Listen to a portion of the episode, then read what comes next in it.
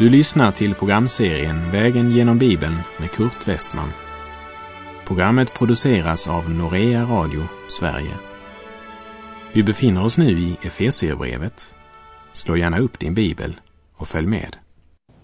I förra programmet avslutade vi vår vandring genom Saltaren. Därmed så är det återdags för en bok i det nya testamentet. Och i det här programmet så ska jag ge en liten introduktion till Efeserbrevet.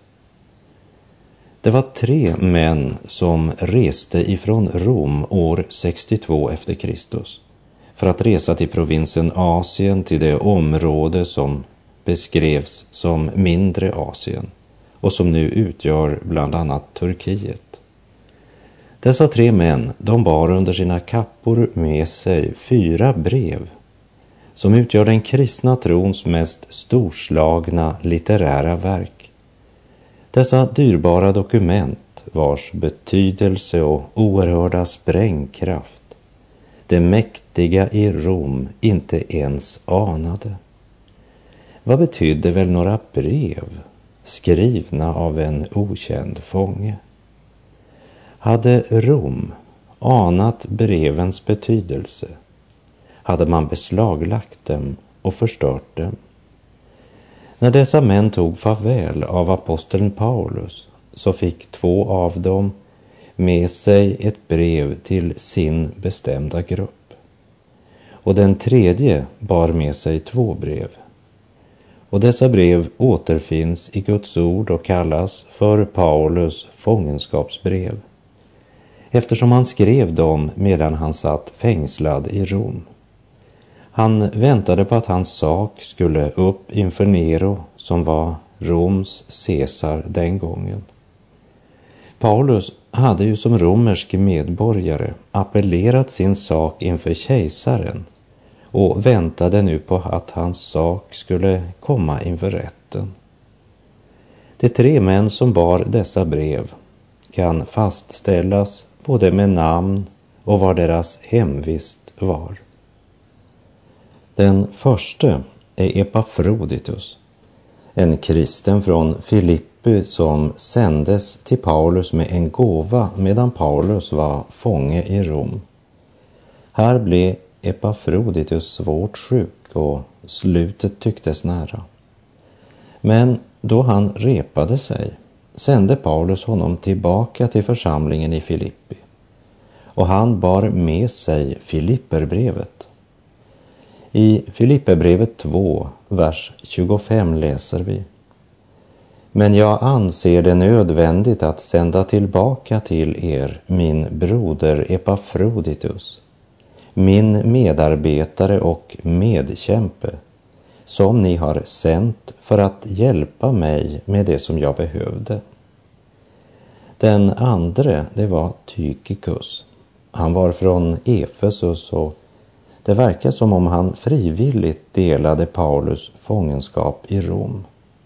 Och med honom sände Paulus sitt brev till församlingen i Efesus.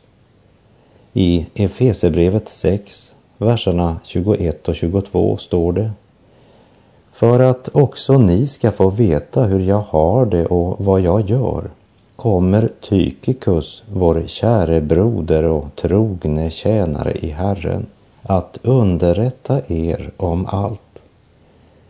Jag sänder honom till er just för att ni ska få veta hur det är med oss och för att han ska uppmuntra era hjärtan. Tykikus bar tydligen även med sig brevet till församlingen i Kolosse.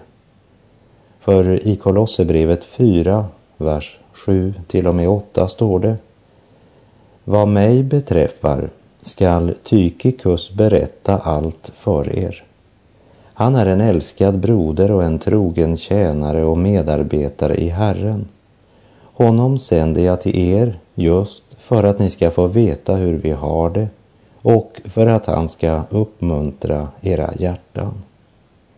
Och i Kolosserbrevet 4.9 nämner Paulus att han sänder Onesimus tillsammans med Tykikus när han kommer med brevet. Med honom kommer vår trogne och älskade broder Onesimus, som är en av er.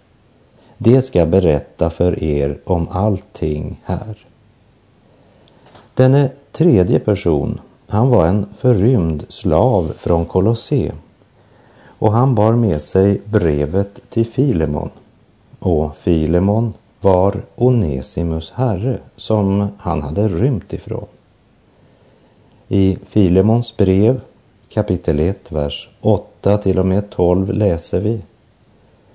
Även om jag därför med stor frimodighet i Kristus kunde befalla dig vad du bör göra, vädjar jag hellre för kärlekens skull.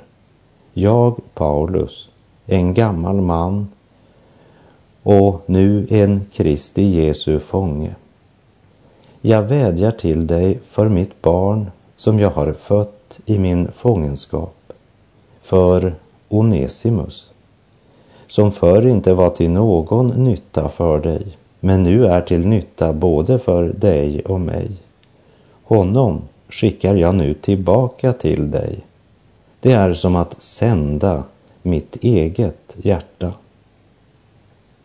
Dessa fyra brev som de tre männen bar med sig tecknar en klar bild både av Kristus, församlingen och det kristna livet och den praktiska gemenskapen i vardag och församling. Brevens olika nyanser presenterar det kristna livet på allra högsta nivå. Efeserbrevet presenterar församlingen som är Kristi kropp, den osynliga kyrkan för vilken Kristus är huvudet. Kolosserbrevet presenterar Kristus som församlingens huvud och där fokuseras det mera på Kristus än på församlingen. Vi kan säga att i Efeserbrevet så fokuseras på kroppen i Kolosserbrevet fokuseras på huvudet. Filipperbrevet talar om den kristne som lever med Kristus som den dynamiska kraften. Filipperbrevet 4.13 säger Allt förmår jag i honom som ger mig kraft. Brevet till Filemon talar om att leva som kristen mitt i ett hedniskt samhälle. Paulus skrev till Filemon som var Onesimus herre och en personlig kristen. I brevet till Filemon kapitel 1, verserna 17 och 18 står det Om du alltså anser mig vara din förtrogne vän så ta emot honom som du skulle ta emot mig. Har han gjort dig någon orätt eller är han skyldig dig något, så för upp det på min räkning. När vi nu ska vandra genom Efesierbrevet så kommer vi att märka att evangeliet gick till fots i det första århundradet. Och det fungerade. Efeserbrevet uppenbarar för oss församlingen som Kristi kropp.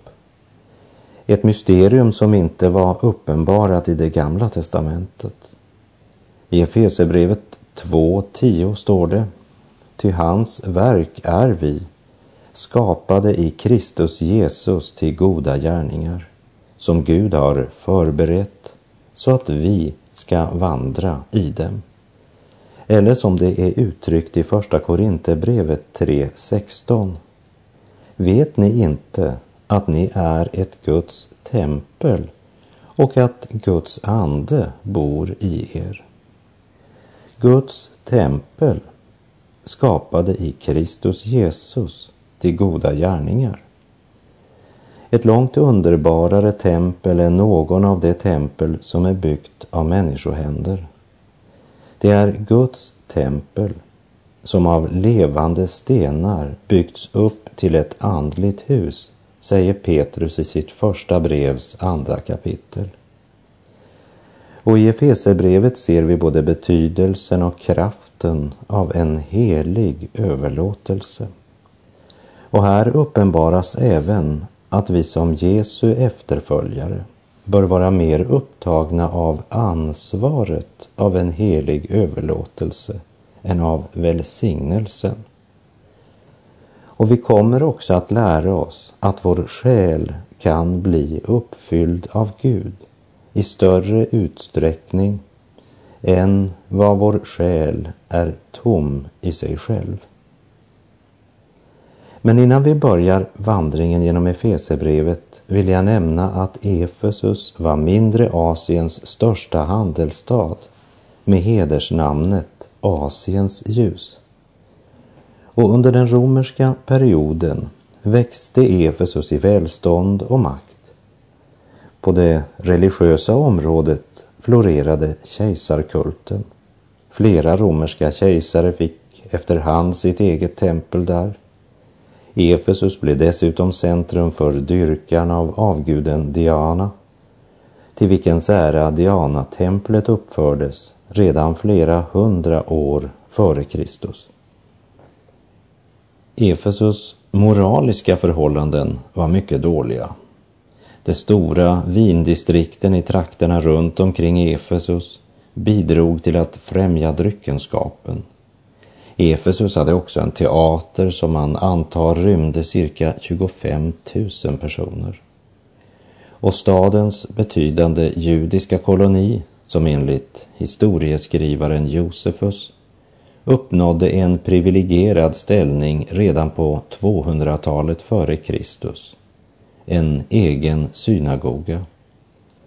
Och vi vet att när Paulus ville besöka Efesus på sin andra missionsresa blev han hindrad av den helige ande att göra det.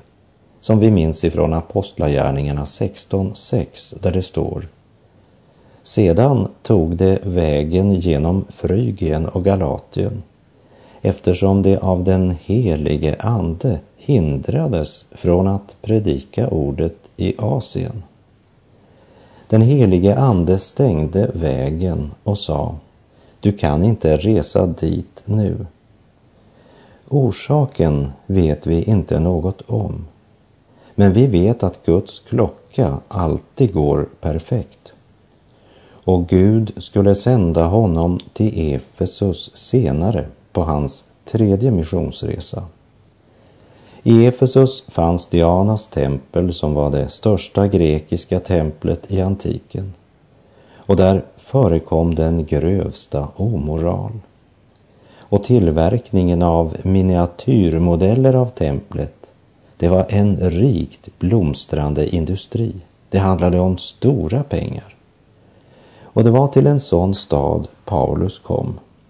Och han började sin verksamhet i synagogan men de hedningakristnas antal blev fort större, vilket brevet också därför präglas av. Och mycket tyder på att Efesierbrevet är ett rundbrev som inte bara riktar sig till församlingen i Efesus men också till fler församlingar i mindre Asien. Vilket också kan vara förklaringen till att brevet saknar den personliga och mer konkreta formen som eljest präglar flera av Paulus brev. Efeserbrevet är ett undervisande brev från aposteln Paulus. Det riktar sig till flera församlingar i mindre Asien och målet är att upphöja Kristus, frälsaren. Efesus var huvudstaden i mindre Asien sannolikt också huvudstaden i hela den östliga delen av det stora romerska imperiet. Efesus var alltså staden nummer två efter Rom. Genom nästan 2500 år var Efesus en av världens största städer. Och Efesus var den stad där Paulus verkade längst. Så i Efesus har man alltså fått mera bibelundervisning av Paulus än någon annan av de församlingar han besökte. Vilket sannolikt också är orsaken till att han kunde skriva så djupt plöjande sanningar om det kristna livet just till denna församling. De tre första kapitlen utgör en läromässig del som talar om församlingens himmelska kallelse. Kapitlen 4 till och med 6 utgör den praktiska delen som talar om hur Kristi församling ska leva och vandra här på jorden. Brevet är en stark utmaning till att leva efter de gudomliga principer som Kristus visade, både genom ord och handling. Många har fått sin tro fördjupad genom att läsa Efesierbrevet och därmed inspirerats till att leva ett liv i helgelse. Och mer än något annat brev handlar Efesierbrevet om förbön. Och Efesierbrevet är fyllt av gudomlig frimodighet. Och det fokuserar på vad Gud gjorde genom Jesu Kristi historiska verk och vad han gör idag i kraft av den helige Ande i det troendes liv. Och det är en strålande kombination av kristen lära och det troendes plikter. Det handlar om kristen tro och kristet liv. Och är mer aktuellt i vår tid än vad det någon gång varit. För det talar om vad Gud har gjort genom Kristus och vad vi ska göra som en konsekvens av det. Och innan vi tar de första stegen genom denna bok i Bibeln ska vi bara påminna varandra om att Efeserbrevets två nyckelord är nåd och frid.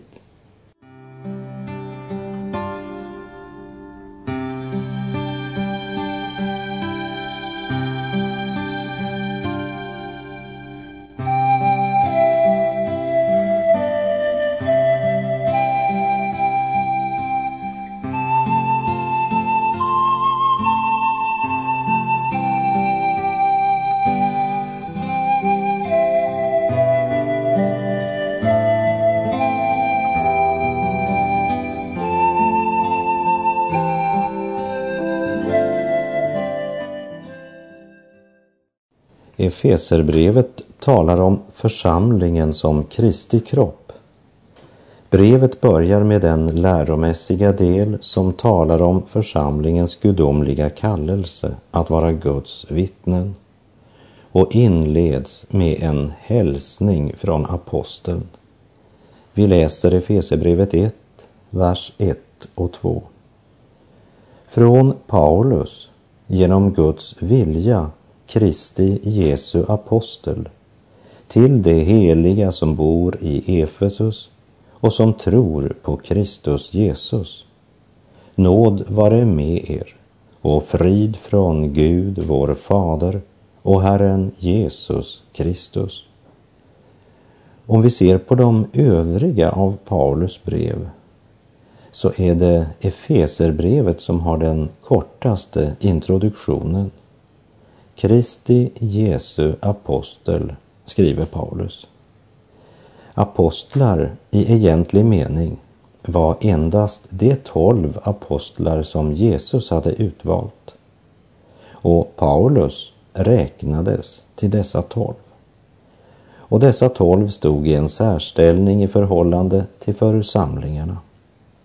De hade Kristi fullmakt att i församlingarna tala och undervisa som Kristi ställföreträdare. När han här i brevets inledning så starkt understryker sin gudomliga kallelse är det därför att han här hänvänder sig till en församling som han inte själv hade grundlagt. Vi lägger också märke till uttrycket i Kristus har en mycket central plats i alla Paulus brev. I Galaterbrevets första kapitel så säger Paulus att han är utsänd, inte av människor eller genom någon människa, utan av Jesus Kristus och Gud Fadern som uppväckt honom från de döda. Och personligen så är jag övertygad om att det var Paulus som övertog Judas plats i apostlaskaran. För de tolv apostlar, det var ju ingen annan än Jesus som skulle utvälja och kalla dem. Men de elva försökte själva kalla den tolfte. Och i Apostlagärningarna 1, verserna 23 till och med 26 läser vi. Två blev föreslagna, Josef Barsabas, som kallades Justus, och Mattias, och man bad, Herre, du som känner allas hjärtan, visa oss vilken av dessa båda du har utvalt till denna tjänst som apostel efter Judas, som övergav sin plats för att hamna där han hör hemma. Så kastade det lott, och lotten föll på Mattias och han upp togs som den tolfte bland apostlarna.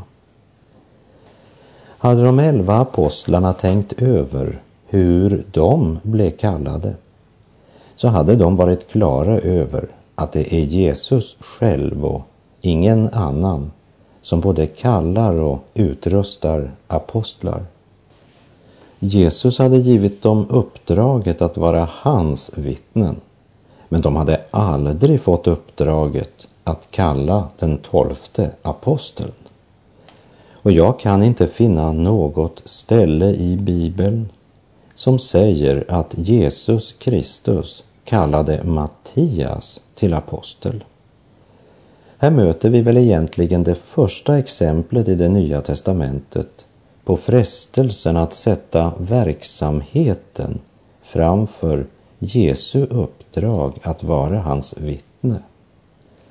Samtidigt inbillar apostlarna sig att de låter Gud välja även om de begränsat Guds valmöjlighet till två personer.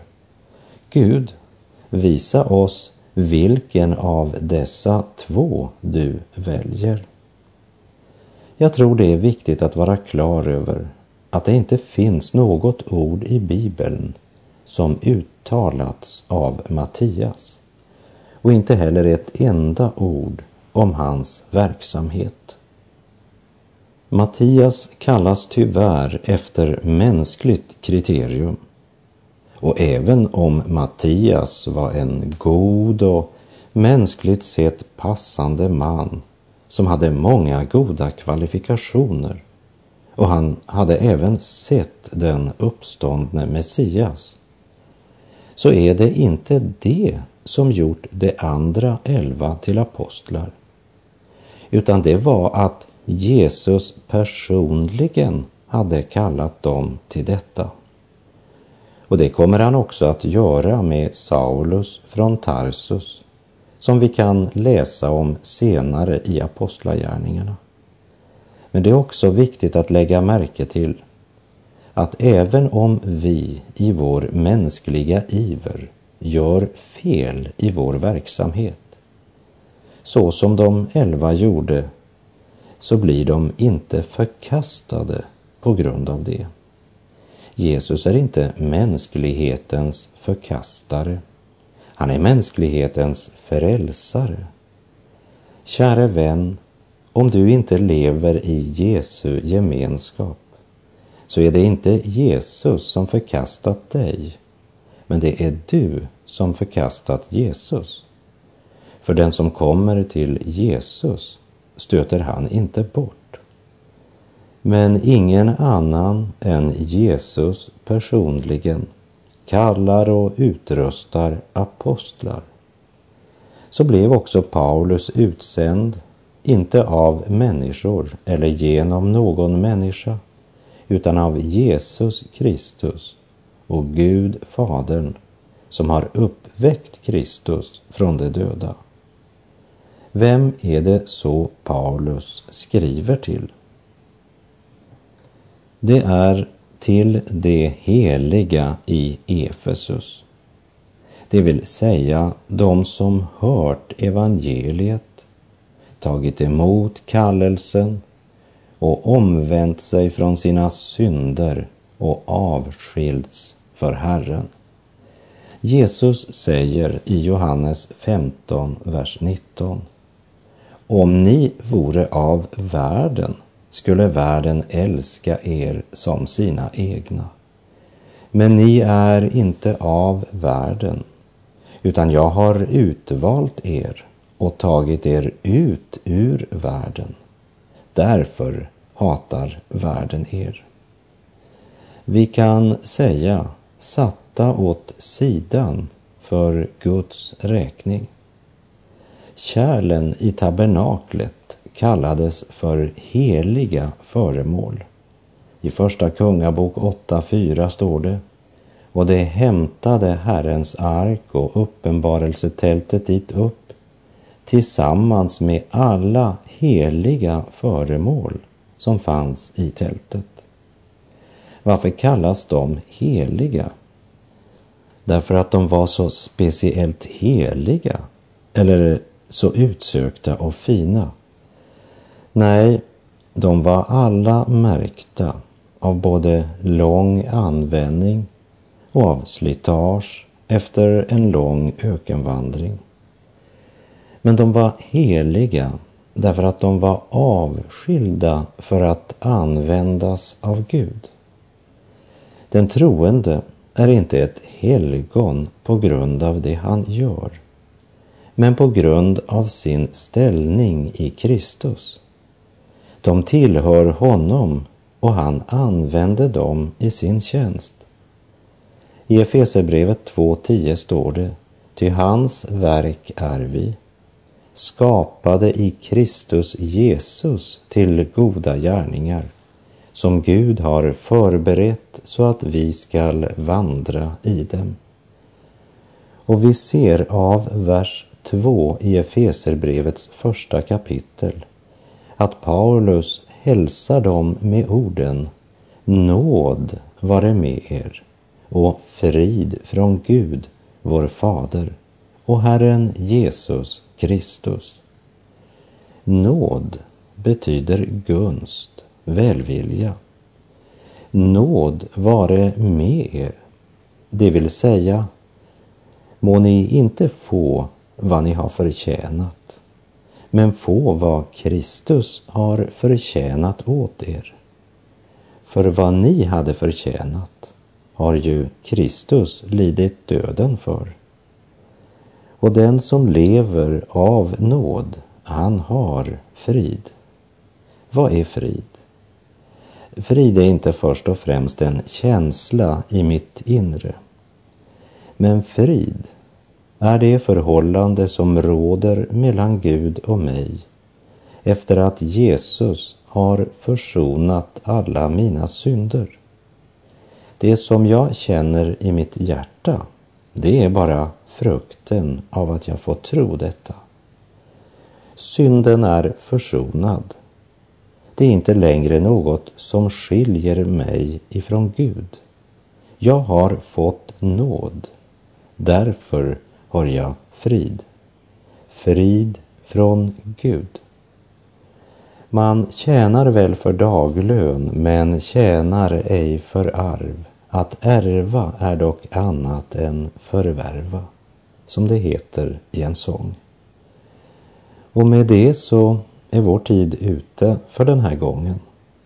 Jag säger på återhörande om du vill. Nåd vare med dig och frid från Gud vår Fader och Herren Jesus Kristus. Gud är god.